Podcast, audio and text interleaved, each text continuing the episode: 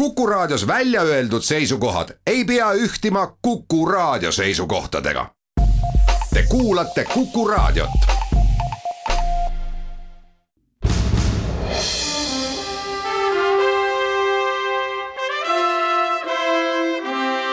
vahetund Postimehega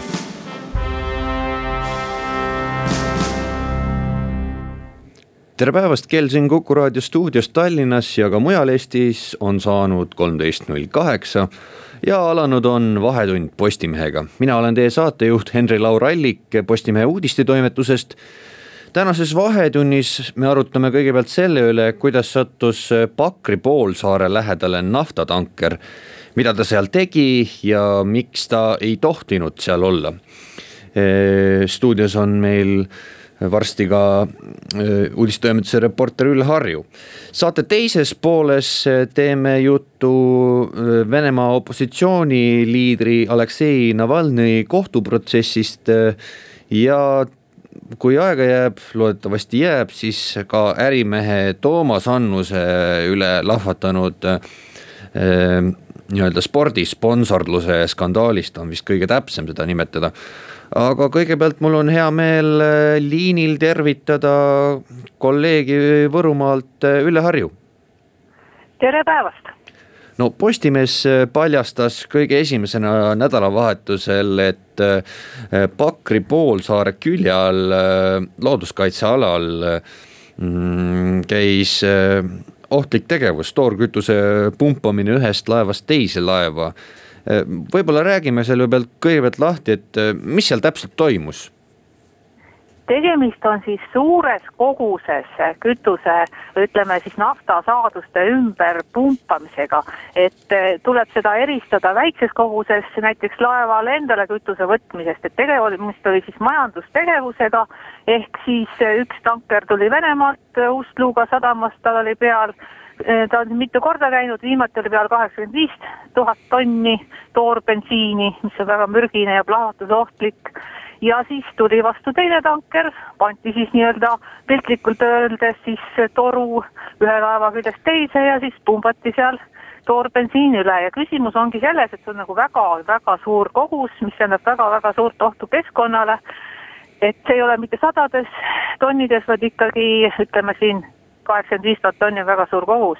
ja seda tegevust kutsutakse siis nagu ship to ship operatsiooniks, mis tähendabki siis nagu kaubavahetust. ja, ja küsimus ongi selles, et eh, pärast ütleme artiklit tegi keskkonnaminister sellise jõulise avalduse, kes ütles, et noh, selline asi küll ei, ei tohi looduskaitseala külje all, no see ankruala isegi küünib looduskaitseala sisse, eh, sellist tegevust teha ja sellega seoses siis selgus, et üllatus-üllatus, juba pikemat aega on erinevad organisatsioonid, meremehi koondavad organisatsioonid, keskkonnaorganisatsioonid juhtinud tähelepanu, et seda ohtlikku tegevust võiks teha eelistatud kas sadamates, kus on kõik ohutustehnika või vähemalt eh, Tallinna lähedal, kus need reostustõrjelaevad väga kiiresti saaksid kohale tulla, kui peaks siis eh, midagi, mingi õnnetus juhtuma ja kütust suures koguses merre lekkima, aga. ma saan aru, et see ikkagist kõik oli seaduslik nii-öelda see oli nii-öelda jokk jah, seaduslik, aga tekkis küsimus, et äh, miks siis suvel selline määrus vastu võeti, äh, kus siis seaduse ridade vahelt sai välja lugeda, et, et ka see suures koguses kütuse ümberpumpamine on seaduslik, sest määrus tegelikult reguleeris, ütleme laevadele kütuse võtmist ja nii-öelda punkerdamist, mis on nagu pisikeses koguses tegevus. Ja, ja selle, aga selle sees sujuvalt oli siis sõnastatud niimoodi, et, et sai nii-öelda seaduslikuks ka sellest hiigelkogustes kaubavahetus, millel siis eraldi termin on SPS ehk siis ship to ship. et, et ta oli niimoodi kirjutatud sinna sisse, et, et need ärimehed leidsid nagu nii-öelda augu ja hakkasid siis nagu väga hoolega seda ära kasutama just pärast määruse vastuvõtmist. aga mis on kummaline, on see, et keskkonnaministeerium tegelikult oli teadlik sellest probleemist juba enne, aga millegipärast ei võtnud Eestile vastu Soomega sarnast seadust. et Soomes on lubatud eh, selline tegevus kahes väga hästi turvatud kohas, mis loomulikult ei ole looduskaitsealal ja mis on eriti oluline, Soome riik kas selle eest ikka eraldi keskkonnatasu, et ühesõnaga ohtlikku tegevust teed, maksad raha ja see tähendab, et siis Soome riik eh, siis selle raha eest siis on seal valmis reostustõrjeks, kui midagi peab juhtuma, et see on tasustatud, et kõige hämmastavam ongi see, et Eesti riik pakub täiesti tasuta seda võimalust, et teeb meile ohtlikku tegevust ja me ei võta selle eest sentigi, mis on väga veider ja nüüd ütleme, me olemegi nüüd uurinud, et kes seda, kuhu need niidid jõuavad ja kipuvad ikka sinna Keskkonnaministeeriumi tagasi jõudma. kas see tegevus siis mujal äh, on väga kallis ja kus seda üldse teha saab? E, see, no Soomes on kaks kohta, kus seda teha saab, aga nagu me, nagu meile saatis ju ka informatsiooni Tallinna Sadam, et Tallinna Sadamas näiteks saab seda väga palju ohutumalt teha, aga loomulikult tuleb selle eest siis tasu maksta. et eh, miks seda seal Pakri lähedal tehakse, põhjus ongi selles, et see on väga palju odavam, seal tuleb ainult maksta nii-öelda agenditasu sellele eh, Hollandis registreeritud firmale, kes siis väga usinalt reklaamib, et tulge nii-öelda Eestisse kui banaanivabariiki, siin on väga-väga odav võimalus siis oma ohtlikku lasti ümber laadida kes, kes seda peamiselt tegi, see nii-öelda toorkütus tuli Venemaalt, olid need Vene ärimehed? jah, et need olid, laevad olid erinevate riikide lippude all, siin näiteks Libeeria, aga, aga näiteks ühe eh, laeva nimi oli Zaliv Amurski ehk siis venekeelne nimi ja ta tuli siis Ustuga sadamast, seal Pakri saarte lähedal sai siis kokku teise tankeriga ja siis vahetasid siis kaupa ja tanker liikus siis edasi, kuhu, kuhugi, kuhugi, kus tal oli vaja see toorbensiin viia. et kui konteksti panda, siis eh, Eesti oli nii-öelda Vene eh, ärimeeste jaoks justkui selline äh, majandusparadiis, nagu on, ütleme, Monaco no peaaegu nii jah, et ühesõnaga Eesti pakkus Vene ärimeestele täiesti tasuta võimalust väga ohtlikku äri ajada ja kui peaks midagi juhtuma, siis kes, ega venelased selle eest ei maksa, no seal võib küll äh, välja selgitada, kes on süüdlane, nõuda tasu, aga noh, kas selle tasu saab ja, ja seda ei tea. Ja teiseks oli seal ka, et ähm, Majandus- ja Kommunikatsiooniministeerium oli murelik, et, et noh, et kes see, kes üldse kontrollib, et kas nendel tankeritel on kõik noh, nõutud ohutusnõuded täidetud. et äh, määruses on küll öeldud, et tuleb täita neid ja neid ja neid asju, aga ega keegi sinna tankerite peale seda kontrollima ei lähe. mis see looduskaitseala seal täpselt on, et äh, mille tõttu ta kaitse all on? E, seal ta on nagu ähm, ütleme, veeelustiku kaitseala, põhiliselt lindude kaitseala et väga detailselt ei oskagi öelda, ta on, ta on jah, looduskaitseala kas see tegevus selline, no ütleme, et sadamas on ta kont-, kontrollitud, et mis see, mis see nagu oht ja mis see risk seal on? kas on näiteid, ütleme, tuua, kus on ka valesti läinud ja tekkinud siis ääretu reostus? Ka see, siin oli kõige suurem reostus oli vist aastal kaks tuhat neliteist, kui siis ähm,, mis oli ka selles määruses välja toodud, et, et, et kus siis naftasaadused lekkisid merre, reostasid siis ka just teist looduskaitseala ja siis mille koristamine siis ka maksis omajagu. et põhiline ongi, et kuna Läänemeri on väga tundlik ala siis see reostus võib mõjuda väga halvasti ja siin oli ju aastaid tagasi, et kuidas noh, kui linnud saavad naftasaadustega kokku, siis nad ju surevad. et isegi siis, kui noh, meil on piisav võimekus seda reostust likvideerida, see tapab ikkagi väga palju elusorganisme. kuulame ära reklaamid ja kohe naaseme samal teemal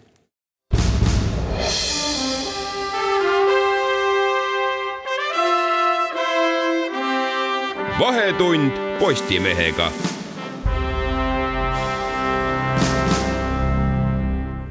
jätkame naftatankri teemal stuudios või tähendab liinil on meil Võrumaal Ülle Harju. nimelt siis laupäeval kirjutas Postimees, et Pakri poolsaarel looduskaitsealal käib ohtlik tegevus, ehk siis laevalt laevale Äh, toorkütuse pumpamine ja seda väga suurtes kogustes. Äh, nagu me enne mainisime, et äh, see sisuliselt oli nii-öelda legaalne jokk-skeem, et seda nii-öelda Vene ärimehed lugesid ridade vahelt äh, välja ja kasutasid seda ära ja keegi sisuliselt midagi teha ei saanud, kas nüüdseks on äh, nii-öelda sellele keskkonnaministri veto siis peale pandud?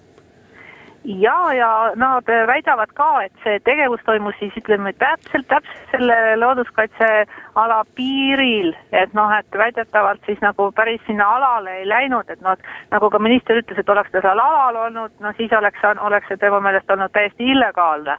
aga kuna väidetavalt on need koordinaadid ikka jäid Jeli-Elisesse nagu teisele poole, siis oli ta põhimõtteliselt looduskaitseala kõrval ja minister muidugi väljendas seisukohta, et, et isegi siis, kui see on kõrval, see tuleks ikkagi sealt ära viia, et sinna ei tohiks rohkem tankereid lubada.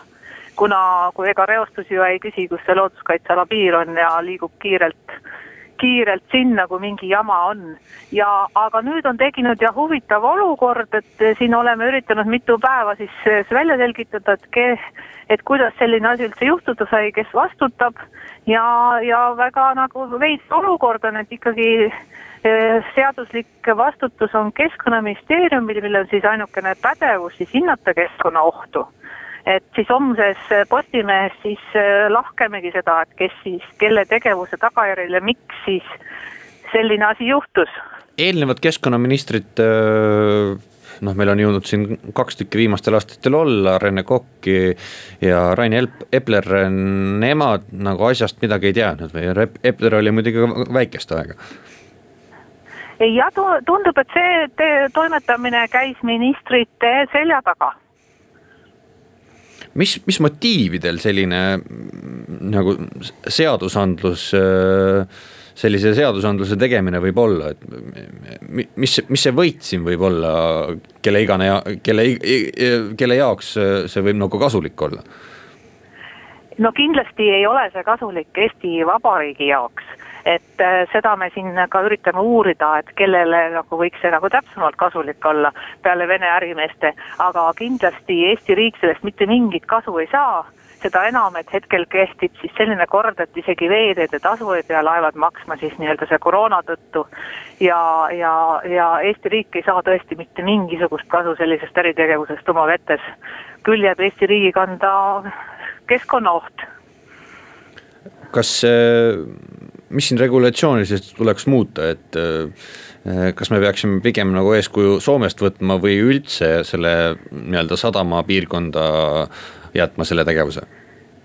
tegelikult on lahendus väga lihtne, et seesama määrus, mis mingil põhjusel siis sellist tegevust soodustas, see tuleks võtta vastu uus määrus ja nagu ma olen eriala inimestest aru saanud, see on absoluutselt, on rannikuriigil õigus sellist seadusandlust kehtestada, mis on siis rangem kui need üldised rahvusvahelised normid ja no nii nagu Soome on juba teinud omal rangema korra, ehk siis kahes kindlas kohas ja eraldi tasu eest võib seda tegevust teha. sama, samamoodi saab Eesti seda väga vabalt teha, mitte miski ei takista pigem on see täiesti nagu ütleme ka Soome poolt nagu vaadatud, et seda võiks teha ja soomlased on ka välja öelnud, et tegelikult siin Läänemere piirkonnas võiksid olla ühtsed regulatsioonid või samamoodi neid asju vaadata no ma saan aru, et isegi kui ta võib-olla koordinaatide põhiselt oli seal kaitseala kõrval, siis see tagajärg oleks võinud ikkagist katastroof olla. jaa, ja eh, kui varem ei ole nagu nii hiigelkogustes seda naftatooteid eh, siis ümber pumbatud, on väiksemad kogused ja ikkagi on juhtunud mingid õnnetused, siis eh, kui, kui juhtub mingi suurem õnnetus ja, ja väga suur kogus siis naftatooteid lekib merre, sellel võib täiesti väga, väga, väga koledad tagajärjed olla mitte ainult Eesti ranniku jaoks, vaid ka kaugemale ütle, üldse selle Läänemere otsa jaoks ma, ma oleks just küsinud, et kas kõik Läänemere riigid oleks äh, saanud nii-öelda kahju sellest? No vot seda tuleks loodusteadlaselt küsida, eks see sõltub ka sellest, kui palju täpselt ütleme, ohtlikku lasti siis merre lekiks, et sõltub äh, väga palju sellest kogusest. et mida suurem kogus, seda suurem kahju. milline reostusvõimek-, võimekus nii-öelda reostuskõrvaldusvõimekus üldse Eestil äh, on? ei, Eestil on siis kaks reostustõrjelaeva on PPA-l endal Need on, ütleme päris korralikud laevad, et vaatasin ka neid pilte, nad on päris uued ja, ja head laevad, aga neid on ainult kaks siiski. Ja, ja mingisugune lisavõimekus on veel, aga seda on siiski vähe. Et PPA ise samamoodi hindab, et, et, et olukord on murelik ja PPA tegi ka siis ettepaneku omalt poolt, et seda suures koguses ohtlikku lasti ümberpumpamist võiks siiski lubada vaid mingites üksikutes kindlates kohtades, mis oleks Tallinna lähedal ja kus siis saaks kiiresti minna reostust tõrjuma, kui seda peaks juhtuma. Aga nüüd on muidugi jah, kõlanud ka meremeeste organisatsioonilt eh, seisukohad, et tegelikult ja Tallinna Sadamalt, et veel parem oleks, kui ütleme, kord oleks isegi Eestis veel rangem kui Soomes, ehk siis lubada ainult eh, sadamates seda tegevust teha, mis on täiesti võimalik, lihtsalt tuleb natukene rohkem maksta. -hmm. et äh, sisuliselt majanduslikult ta saaks meile ju äh, kasu tuua, kui me need rangemad reeglid äh, kehtestaks ja miks mitte, et ega ei pea ju äritegevust takistama, nagu ka soomlased ütlesid, et, et äh, palun väga, aga selle eest tuleb maksta, kui tegeled ohtliku lastiga. kui, kui kiiresti nüüd see nii-öelda uus äh, äh, re, regulatsioon või seadus tuleks vastu võtta, et praegu ju sisul, sisuliselt nad oleks võinud jätkata oma tegevusega ja, ja, ja tegelikult ongi veider, et keskkonnaministeerium ei ole siiani nagu teada andnud, et mida nad täpselt teevad. et minister ütles küll, et see tegevus tuleb lõpetada ja et ta enam ei luba sinna pakrialadele, aga nüüd ongi küsimus, et kuna siis järgmine loaküsija tuleb ja mis talle siis vastatakse. et eh, ilmselt on ministeeriumi ametnikel hetkel kiire, et, et kiirkorras midagi välja mõelda selle ohtliku olukorra ennetamiseks. kas see võib olla ikkagist äh, nii-öelda prohmakas või võib ta olla teadlik äh, nii-öelda lüke? Ei tahaks äh, otseselt hinnanguid anda, ta võib olla nii üht kui teist või ka üks või teine, et äh, seda me jah, hetkel välja üritame selgitada. et motiive on igasuguseid, miks seda teha et samas noh, hämmastab kõiki ametkondi, teisi, kes ei ole keskkonnaministeeriumis, et miks, et noh, seal ei ole mitte mingisugust loogilist ise ja Eesti riigile ka majanduslikku kasulikku selgitust, et miks seda lubada, et noh, seda ei tohiks lubada. No üks asi on kindel, et äh, olid nii-öelda Vene ärihuvid äh, selgelt pandud Eesti äh, loodusest ettepoole äh,. aitäh, Ülle Harju, meiega liitumast kuulame ära värsked uudised.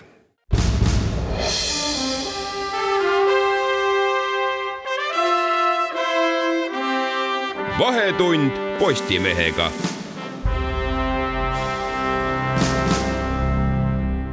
tere tulemast tagasi ja nüüd liigume Venemaale, kus äh, eile lõppes kohtuprotsess äh, opositsiooniliidri Aleksei Navalnõi üle.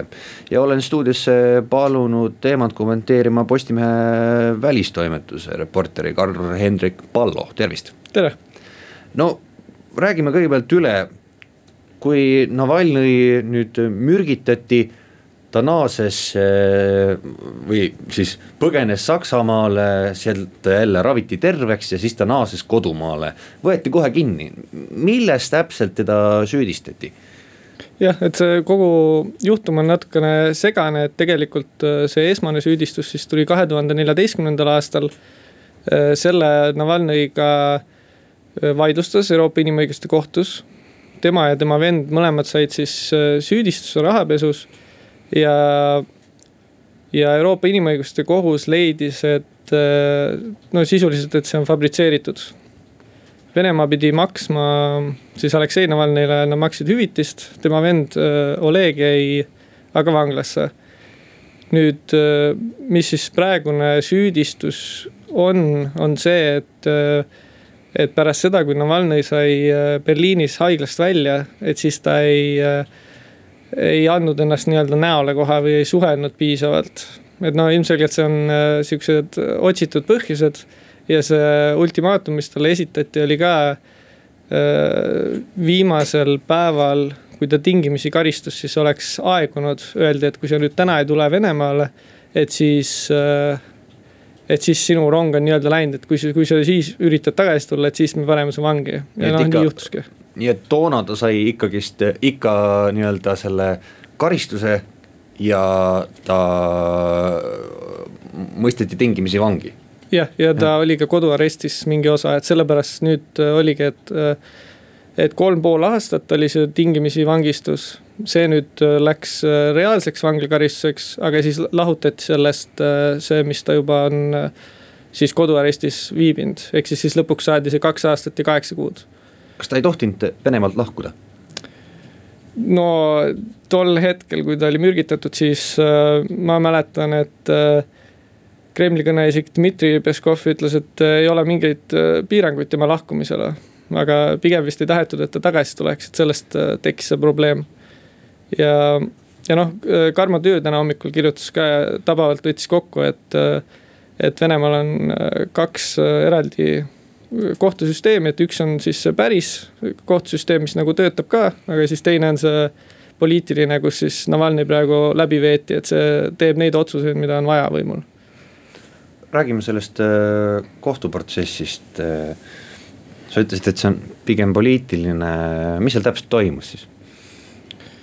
jah, et esimene kohtuprotsess siis sihuke kiirmenetlus viidi läbi juba siis, kui ta seitseteist jaanuar jõudis Venemaale, et see tehti politseijaoskonnas, mis juba iseenesest oli väga skandaalne, et tegelikult äh, mina sain vähemalt niimoodi aru, et et, et sellist kohtupidamist ei oleks tohtinud juhtuda.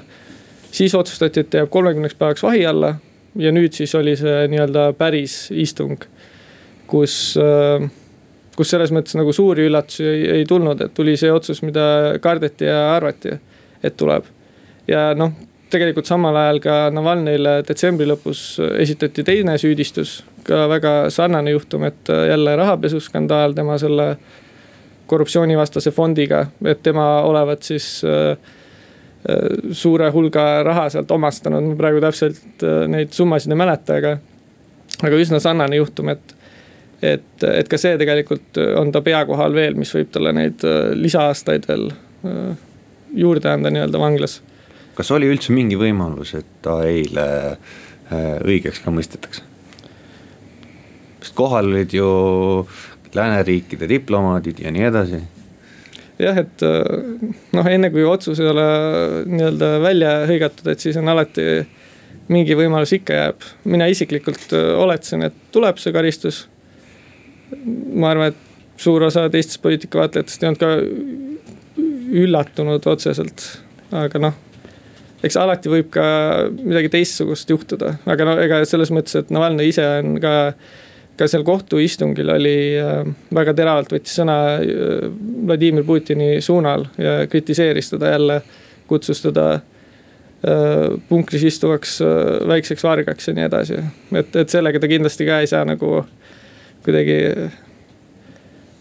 et teda ei rehabiliteerita Vene võimude poolt niimoodi, et talle ei antaks näiteks karistust, et et ma arvan, et siin ka teiselt poolt, et äh, Kreml peab nagu natukene või tahab oma seda musklit näidata. no inimesed on äh, tänavatel ja vangikongid on täis, kaua need protestid jätkuvad? see on hea küsimus et selles mõttes äh, ei, ei tea, on vist kõige ausam vastus, et äh, niikaua, kuni vene inimestel seda protestivaimu on, et siis siseriiklikult äh, vaadates, kas Putini tool on kuidagi ohus või äh, läheb see nii äh, nagu tavaliselt? jah, tulevikku ennustada on raske, et selles mõttes ma arvan, et.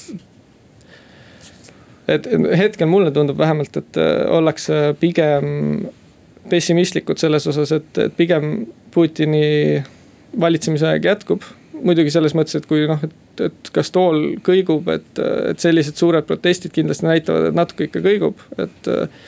ja et see, et Navalnõi tegelikult on oma uurimustega üsna palju näiteks FSB mingit, mingisuguseid operatsioone suutnud või aidanud siis paljastada koos Bellingcati ja teistega, et. et see kõik näitab, et suure tõenäosusega ikkagi on neil ka sees mingisugused äkki allikad. no ma muidugi spekuleerin, aga selles mõttes, et, et tundub, et tal on liitlasi, et selles mõttes. kas Putin ise on ka kommenteerinud? ei, vähemalt minu teada on kogu või ta Kremli... hoidub äh?? või ta hoidub? jah, et pigem kogu Kremli taktika on see, et Navalnõid väga ei ei kutsuta nimepidi, ei tunnustata väga tema olemasolu. et see, need tema nimetuste kohta on ka äh, palju artikleid, et kuidas need on ajas muutunud, et, et vahepeal ta oli Berliini patsient ja, ja nüüd ta on lihtsalt kohtualune et, et, et jah, pigem, pigem ei kommenteerita seda. mis see rahvusvaheline mõju nüüd Venemaal on, surve on olnud kogu selle äh, protsessi vältel juba väga, äh, väga tugev nii mürgitamise ajal kui ka äh, siis väidetavalt nagu püüti teist korda ka mürgitada ja nüüd äh, protsessi ajal ka. jah, et äh, tõepoolest, et on küll tugev surve Venemaale, aga noh. nagu me teame, et siis alates kahe tuhande neljateistkümnendast aastast, kui Venemaa öö, ka vallutas Krimmi ja alustas sõda Ukrainaga, et selles mõttes Venemaa rahvusvaheline maine või eriti veel Euroopas ei ole nagu väga tugev olnud. Et, et siin nagu küsimus, et kas see saab veel madalamale minna. et see võib-olla saab. aga kui me võtame näiteks Hiina, kas Hiina on ka kuidagi äh, sellele teistmoodi vaadanud või? või äh, on ikkagist see peamine lääne surve? pigem ikkagi lääneriikide surve, nii palju kui mina olen äh, täheldanud, et. Et noh, Hiina üldine poliitika Venemaa suunal on ka pigem see, et kui midagi toimub, no mitte ainult Venemaa, aga näiteks Valgevene suunas, et. et kui mingid protestid või asjad on, et, et siis pigem, et see on nii-öelda riigi siseasi. ja keegi teine ei tohiks sellesse sekkuda ja noh, see keegi teine siis tavaliselt on see on nagu kriitikanool lääneriikide suunas. Hiinal endal on ka piisavalt palju erinevaid äh, Äh, genotsiidi süüdistusi ja muid äh, probleeme, millest äh, nad väga ei taha, et nendesse sekkutakse. Võib-olla lõppu väike avaari küsimus ka, kui Navalnõi kohtuprotsessil olid kohal diplomaadid Lätist, Leedust, siis miks Eestist ei olnud? ma kuulsin, et see pidi olema koroonaviirusega seotud, ma täpselt detaili ei tea, aga vist jäi selle taha. aitäh. aitäh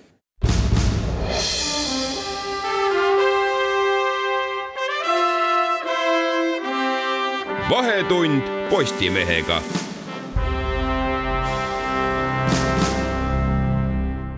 Möödunud nädalal teatas Merko ehitusettevõtte juht Toomas Annus, et lõpetab igasuguse spordi sponsorluse ära, mida ta tegi umbes pool miljonit aastas.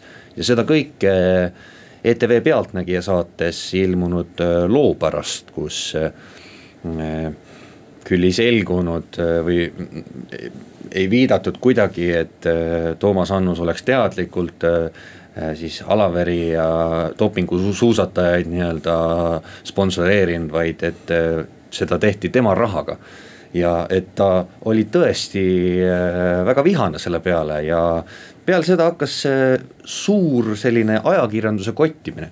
no mis see Toomas Annuse motiiv võis olla ja kas ta õnnestus oma selle käiguga?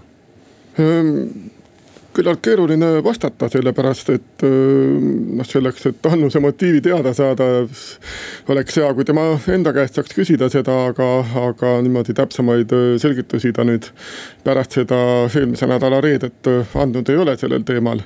aga no selge see, et hea küll, Pealtnägijas jah, nüüd otseselt äh, ei öeldud, et äh, Annus on kriminaalkurjategija, aga, aga paraku tuleb äh, tuhka pähe raputada ajakirjanduslikus mõttes, et noh, selline mulje jäi just ja, ja noh, kõik, kes on nüüd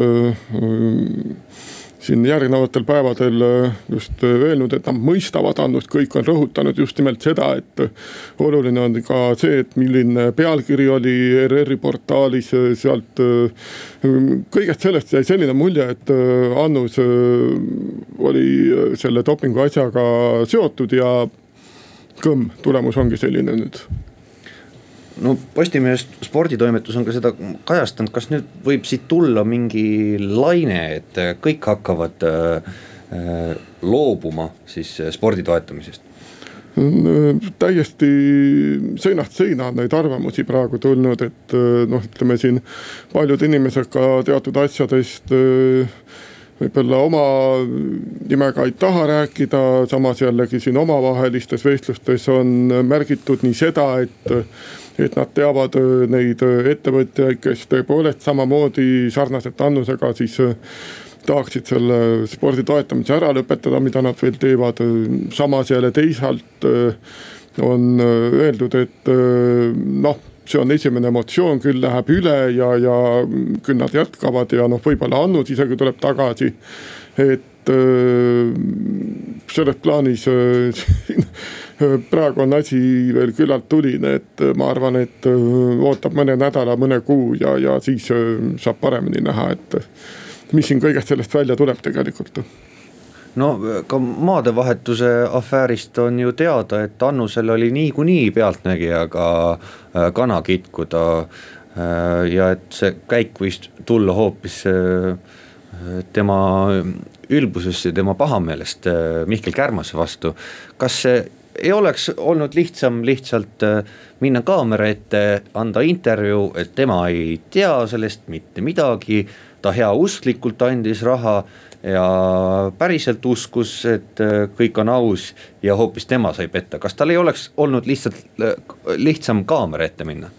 noh äh, mingil määral kindlasti saab niimoodi öelda, et aga, aga kuivõrd ta ei kasutanud seda võimalust minna kaamera ette, siis. ju siis seal olid need põhjused, miks ta ei tahtnud teha, et noh, ma ütlen siit kõrvalt on väga raske hinnata, et mis teise inimese mõtetes toimub no selle pealt ikkagist ajakirjandust hakata, ütleme, selge see, et see pealkiri võis olla äh, juriidiliselt korrektne, aga ta jättis sellise võib-olla kehva, kehva mulje, aga hakata kogu seda nii-öelda dopingujama selles süüdistama ajakirjandust, mitte äh, Mati Alaveri, mitte Karel Tammjärv äh, see on ju vale fookus, kas Annus oma viha ei peaks suunama sportlastele, kes teda petsid? Ja ta neilt äh, võib-olla ka raha välja nõudma. Ei absoluutselt, et äh, noh, siin äh, see lugu on selline, et ega siin ütleme nii, et võitjaid ei ole. noh, see on mitmes mõttes on need asjad koledad, et loomulikult tuleks esitada ka niipidi küsimusi, nagu sa praegu esitasid ja, ja lihtsalt, lihtsalt me teame seda, et äh, kasvõi nüüd seesama, mis täna siin Postimehes äh,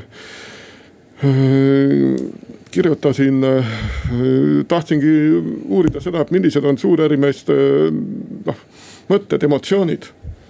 Ja, ja noh, need on asjad, millest me ei saa tegelikult ka mööda minna loomulikult, kui on nüüd mingisugused dopingu juhtum, dopingu jamad, nii edasi, noh tulebki küsida jah, et palun, miks nüüd Annus ei ole pahane siin Alaveri, Veerpalu ja kompanii peale, aga noh, me peame ka ma arvan, arvestama just nimelt nende teistpidiste emotsioonidega.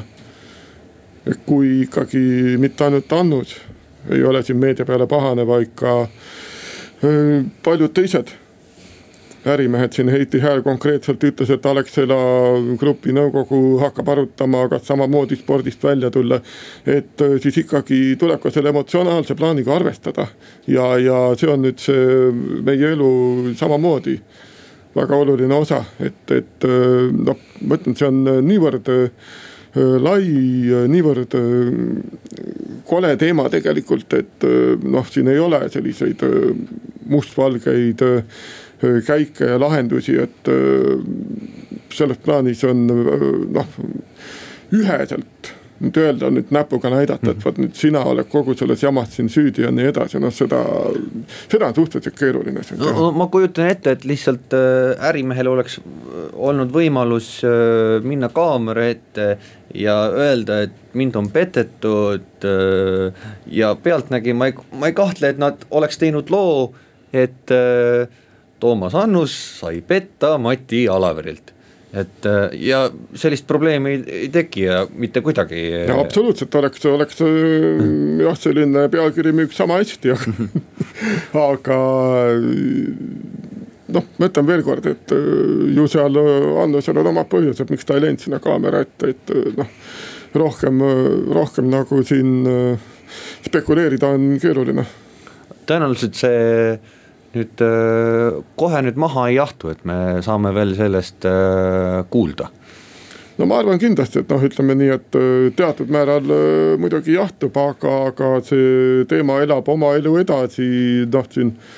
noh, siin nagu juba on ka toodud välja, et, et EOK president Urmas Tõõrumaa rõhutas, et iga konfliktsituatsioon on, on millekski hea sunnib siin mõtlema, võib-olla mõnda asja siin äh, ümber kohandama, et äh, seesama teema, et kuidas üldse spordi rahastamine siin Eestis on kujundatud, äh, noh, kui nüüd riigiettevõtted ei tohi seda teha, erasponsoritel on võib-olla liiga suur koormus isegi, siis peaks riik veel oma seda osa suurendama, et noh, need, need asjad on kõik nii omavahel seotud Ville Arike Postimehe sporditoimetusest, aitäh tulemast.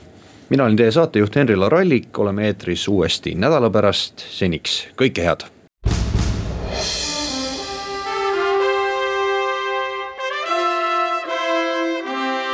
vahetund Postimehega